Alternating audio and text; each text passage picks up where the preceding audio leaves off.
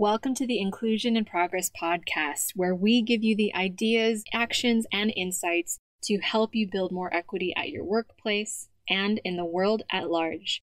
I'm your host, Kay Fabella, international expert on diversity, equity, and inclusion, a Filipino American living in Spain, and your guide in navigating this DEI journey.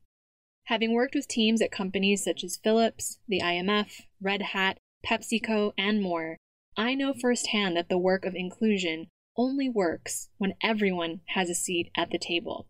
Regardless of your personal entry point into this conversation, your race, ethnicity, gender, ability, age, sexual orientation, country of origin, or educational background, we all have a role to play in creating inclusion for all. And it starts with us having conversations we need to create the change we wish to see. So let's dive into today's episode.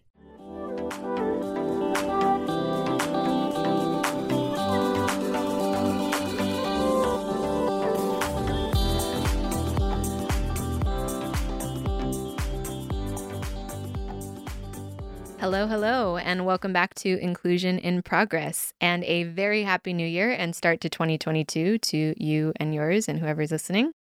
And on behalf of Team IIP, we hope that you had a restful end to 2021, however you chose to spend it. We officially closed our virtual doors for the last two weeks of the year to give the team and me time to rest, relax, and reflect on the year that was. My Spanish husband, Javi, and I even managed to take our first post COVID flight together to Finland, which was super exciting. It also happens to be where one of our team members lives and works. So I'll just say that after having navigated that trip and peeling off all of our Eskimo layers once we landed back in Madrid, I am very happy that we chose Spain. But now that we're back, we're revving up to resume our client projects and hopping on calls with partners who've expressed interest in working with us in 2022. So, if you've been on our new website at inclusioninprogress.com, you'll see that one of the big ways that we're shifting our workflow is only taking on 10 clients per year, which of course allows us to go wider and deeper with our relationships while giving our team a sustainable way to deliver the work that we care about. So, if you'd like to book a call with us before we close our client roster for the year, head to the link in the show notes and get in touch with our team there.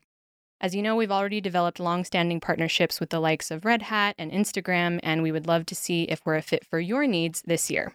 Whether you're looking to support your company with global diversity and inclusion consulting, leadership coaching for remote teams, or cross cultural communication strategies, we're happy to discuss how our IIP framework can help you to increase talent retention across your organization. So, again, feel free to reach out at the link in the show notes or email us at info at inclusioninprogress.com to book a call to discuss if and how we'll be able to partner with you this year. So, as I mentioned back in episode 80, the last episode of 2021, this year we are going to be dividing our podcast into three month seasons.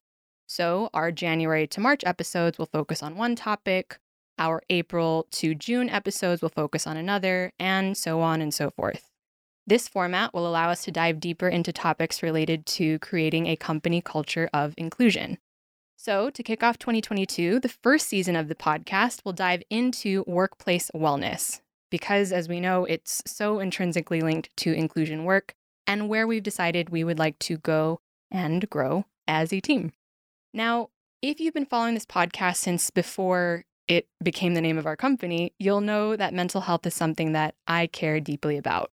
Now, I will say this over and over like a broken record on the podcast. I am not a mental health expert by any means, but I did experience burnout very early in my career as a new graduate out of university in the midst of the 2008 recession.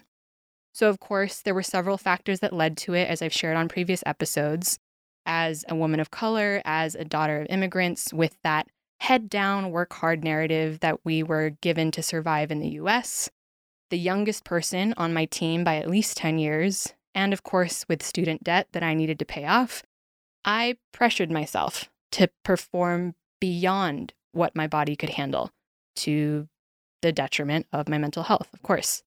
And since being forced to leave that job, I've had to learn to live alongside my resulting depression and anxiety. Thankfully, the toolkit that I developed almost 13 years ago served me well as I moved into DEI or diversity, equity, and inclusion work. One of the reasons I'm passionate about this field is because looking back now, I know that if I had been in an environment where I felt safe to ask for help, I wouldn't have needed to go through what I went through. I wouldn't have needed to get to the extremes that I ended up getting to. And it's why my team and I are now deeply committed to supporting organizations where people can express their struggles openly so they don't have to reach a breaking point to ask for help. Now, to us, a company culture that allows you to share when you're unsure or uncomfortable is a healthy environment that allows for the free exchange of ideas that we need to be able to innovate. Not only that, I've realized that supporting our clients is one thing, but making sure that we're doing the same thing for our team is also important to me. We had the triple threat of the uncertainty of the pandemic, the pressures of working from home, and of course, the anti racism movement of 2020, which really brought, as we know, DEI work front and center for organizations two years ago. Practitioners like myself, inside and outside of companies, leapt to meet those challenges and they often did so at the expense of their own well being. Now, it's not the fate that I want for my people on my team, or of course for myself. And it's not a sustainable way for us to contribute to greater equity and inclusion for our human family if we're doing it by sacrificing our day to day human needs. It's also why, as a fully remote team, we try to have open dialogues about what our lives look like, what we're loving, and what we're struggling with and what a sustainable workload looks like for each of us. And approach them when they have a question or who feels like they need to hide something when, say, a family emergency comes up or they're struggling with isolation or mental health challenges themselves. Our individual well being is what allows us to collectively do our best work for the clients who depend on us. Another reason why we're moving our business model towards longer, deeper engagements with clients is because we are centering our own wellness as a team to be able to sustain ourselves in this work. I've also learned that with so many different cultural and generational paradigms among us, and with all of us scattered across the globe, across APAC, EMEA, and the Americas, I can't force anyone to disclose information that they don't want to share. So, the best that I can do as a leader is model what transparency looks like for me give them clarity on the respective tasks and the tools to get them done, and hope that each one of them feels that whenever they need support in doing their job or need to ask for help, they can lean on me or on one another. Listen, I know that what we've worked hard to create at Inclusion in Progress is not always the case for organizations. Time and headspace are luxuries that we don't always have. At the same time, it's important to remember that the last two years have been rough on all of us. Whether you're a knowledge worker or a frontline worker, a line manager, or a new graduate working in a fully remote or hybrid environment, you and your team have had different challenges thrown at you every single day. And we know this because these are the experiences of the organizations that we work with and the line managers and employees that we support. Have you ever had a remote team member who's been super engaged in tasks and activities and then all of a sudden just dropped out? Or watched someone start to avoid turning their camera on on video calls? Or take longer to respond to those Slack messages or emails? If so, you're not alone. One challenge we're hearing about in our virtual work environment is that it's hard to know what direct reports are actually thinking and feeling when we can't see them physically which is challenging for leaders who actually want to support their teams working remotely, but have no idea how or even when they're going through a hard time. So that's why in our first episode of our workplace wellness season, we'll be diving into how to spot the signs of burnout in a remote team and how to prevent it before it happens.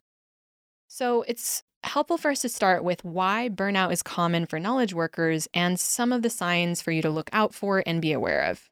And for that, we can take it back a step further because y'all know I like to nerd out. What is burnout exactly? So I'm probably going to pronounce this wrong, but it Herbert Freudenberger first identified burnout back in 1974. Sorry, Mr. Freudenberger, I tried. But he learned that many symptoms tend to overlap with those of mental health conditions such as depression, anxiety, and of course, mood disorders. While we know that it's not a medical or a psychological term, burnout happens when your job starts impacting your physical and mental well being. If we put it simply, burnout is a result of chronic job stress, which I think we are all familiar with right now. If you're also feeling exhausted, emotionally drained, and lacking in, say, motivation or a sense of accomplishment, you may be dealing with a case of burnout yourself. The effects of burnout on employees can also have a financial impact for organizations. Now, every year in the US alone, more than $100 billion in healthcare spending results from the physical consequences of burnout, with some estimates putting it at nearly $190 billion, which is a lot. So, what are the signs of burnout or impending burnout?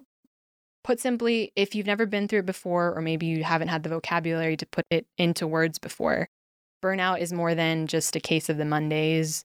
It's something like physical symptoms, sometimes with constant headaches or body pains or stomach issues, or of course, even emotional issues like withdrawing from relationships. You may be experiencing things like trouble focusing and concentrating, which may be leading to less engagement with your work, and greater pessimism, which is also common. Now, speaking from my experience and speaking to others, everyone's personal burnout lens or experience is going to be different. But if we look at it very broadly, research shows that burnout may fall into one of three umbrella categories. The first is exhaustion. Makes sense. Usually, the first sign of burnout because prolonged stress is actually draining your mental and physical health and can make you feel tired all the time. The second is cynicism, symptoms that include things like feeling disengaged from work, disillusioned about your contributions, being super critical of your own work, and even impatient, irritable, and quick to anger with coworkers or those who are around you. And the third thing is inadequacy. You may consider giving up or thinking that it's not worth putting in the effort to get your job done because you feel maybe frustrated or stuck or uncreative, and you're having a hard time getting started and staying productive. Maybe you're overwhelmed by your workload and feeling a lack of any real satisfaction when everything's done, which can also fall under this category of inadequacy too. So, exhaustion, cynicism, and inadequacy are the three sort of umbrella places that burnout tends to fall under. Again, I'm not a mental health expert, and symptoms of burnout may be a little different for different people. But if you notice more than a few of these, your team members may already be deep in burnout territory or very close to it. Now, another thing to be aware of is that remote workers are also more likely to experience burnout for several reasons. The first is higher decision fatigue, meaning when you're working from home and you're responsible for your own schedule, and there's no one around to tell you the hours to work or what to do or when to get it done or who to speak to, all of those decisions fall on you. And that does add up over time. Another thing that could influence whether or not remote workers are more likely to experience burnout is unpredictable or monotonous work. Now, it's not uncommon to work a, say, nine hour coding sprint or 13 days in a row when you have, say, an untraditional schedule, which can also take its toll on you over time. Or if you're doing something monotonous like, say, programming or data entry, which requires you to be very concentrated, that can also lead to fatigue. And another thing to consider is the always on mindset that many remote workers have. And I can speak from personal experience here, can forget to switch off from our work mode. And that always on mindset, trying to squeeze in work whenever you have a free minute, or even checking your phone when you're stepping away for lunch, even though you're away from your laptop or your computer, means you may have fewer real breaks to actually disconnect. Having multiple devices where you can be reached or interact with your work probably doesn't help either. And of course, feelings of isolation and loneliness. Now, this was documented well before the pandemic, but as exhaustion arises, as we know, so does loneliness. You're less likely to reach out as a remote worker if you are in a position where you're so tired that you wouldn't even consider building relationships with your boss or your coworkers or going out of your way to build relationships even outside of work, which means you may become more isolated over time. Of course, this means that you'll not only increase your stress, but also lower your own productivity and motivation. So, with all of this in mind, let's take a look next at how to broach the conversation when you notice that someone on your team is struggling with burnout. The first thing to consider is understanding the root cause. Now, before taking any sort of action, take a moment to understand what might be the root cause of that person's burnout. Once you've diagnosed that maybe one or more of the things that we mentioned are symptoms that they're experiencing, start thinking about the why behind it. Things like maybe a heavy workload, a lack of leadership, or no clarity around roles or expectations, or even things like unfair treatment are common work related causes of burnout. There could also be other factors outside of work that contribute to your team's burnout, such as financial or family related stress. If you're regularly checking in with each of your employees one on one, you should have greater transparency into that person's well being. But if you aren't, it's important to take note of or to try and anticipate what these factors could be before jumping into the conversation. Next, reach out and have or try to have an agenda that you can share with them beforehand whether you're doing it through email or a private Slack message to let them know that you'd like to schedule a one on one in person or over a video call to check in, sharing an agenda beforehand or even just one to do bullet points of what you'd like to discuss would help them prepare for the conversation before it happens. Then framing the conversation around it being a way to sync up on their performance and whether or not there are ways that you can support them moving forward. On your end, think about what potential solutions that you could offer them depending on how serious their situation is or might be. It's really important to have this conversation face to face, ideally meeting up with them in person, but if you're not physically able to, make sure that you both have your cameras on when you deliver the message. Now, if theirs is off when they enter the room, invite them to turn it on and state that it would be helpful for you to have this conversation in a way that allows you to see one another. Then set the container. Share that you're grateful for the work that they've delivered to the team and the contributions that they've made so far. Remind them again that this will be an honest and open discussion to create mutual understanding, which can often get lost in the day to day messages and tasks in a group setting. Then let them know that what's discussed between you will remain between the two of you. You could open with something along the lines of, I'd like to see if we might reach a better understanding about blank. I really want to hear your feelings about this and share my perspective as well. Through this, remember that you have to model transparency and vulnerability. Now, not every employee will want to disclose that they're struggling, nor will they have the vocabulary to be able to do so. If they're reluctant, it's often helpful to model what's safe for them to share by stating your own experiences or your own challenges around burnout. Then following up with, Is any of this resonating with you? Would you like to say more? Reinforce throughout the conversation that you care about them as a human first. When someone's struggling, even someone saying to them, You've been working hard over the last X months, and the team and I appreciate your contributions. And I also want you to know that I care about you in a non work capacity too. Then providing them the opportunity to share what support would look like for them before giving them some ideas, whether it's time off or pointing them in the direction of relevant resources that would support their well being. Finally, create a follow up plan. This person has taken time, if they have gotten there, to share what they're going through with you.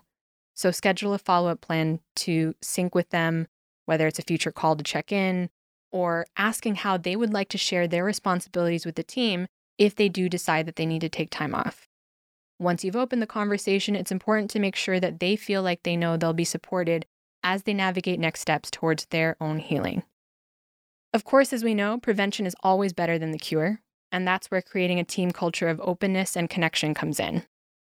Now, it's helpful here to regularly revisit your individual and team roles, goals, and expectations. Oftentimes, burnout comes from a lack of clarity around responsibilities. So make sure that in the back and forth of day to day firefighting, you and your team don't lose sight of the bigger picture and that you're regularly syncing on short term, medium term, and long term project goals and milestones. This also ensures accountability and a sense of relief, which incredibly helpful for someone going through burnout when they need to take time off. Knowing that someone else will be able to take on their workload temporarily and knowing that they won't have to deal with a huge workload when they come back.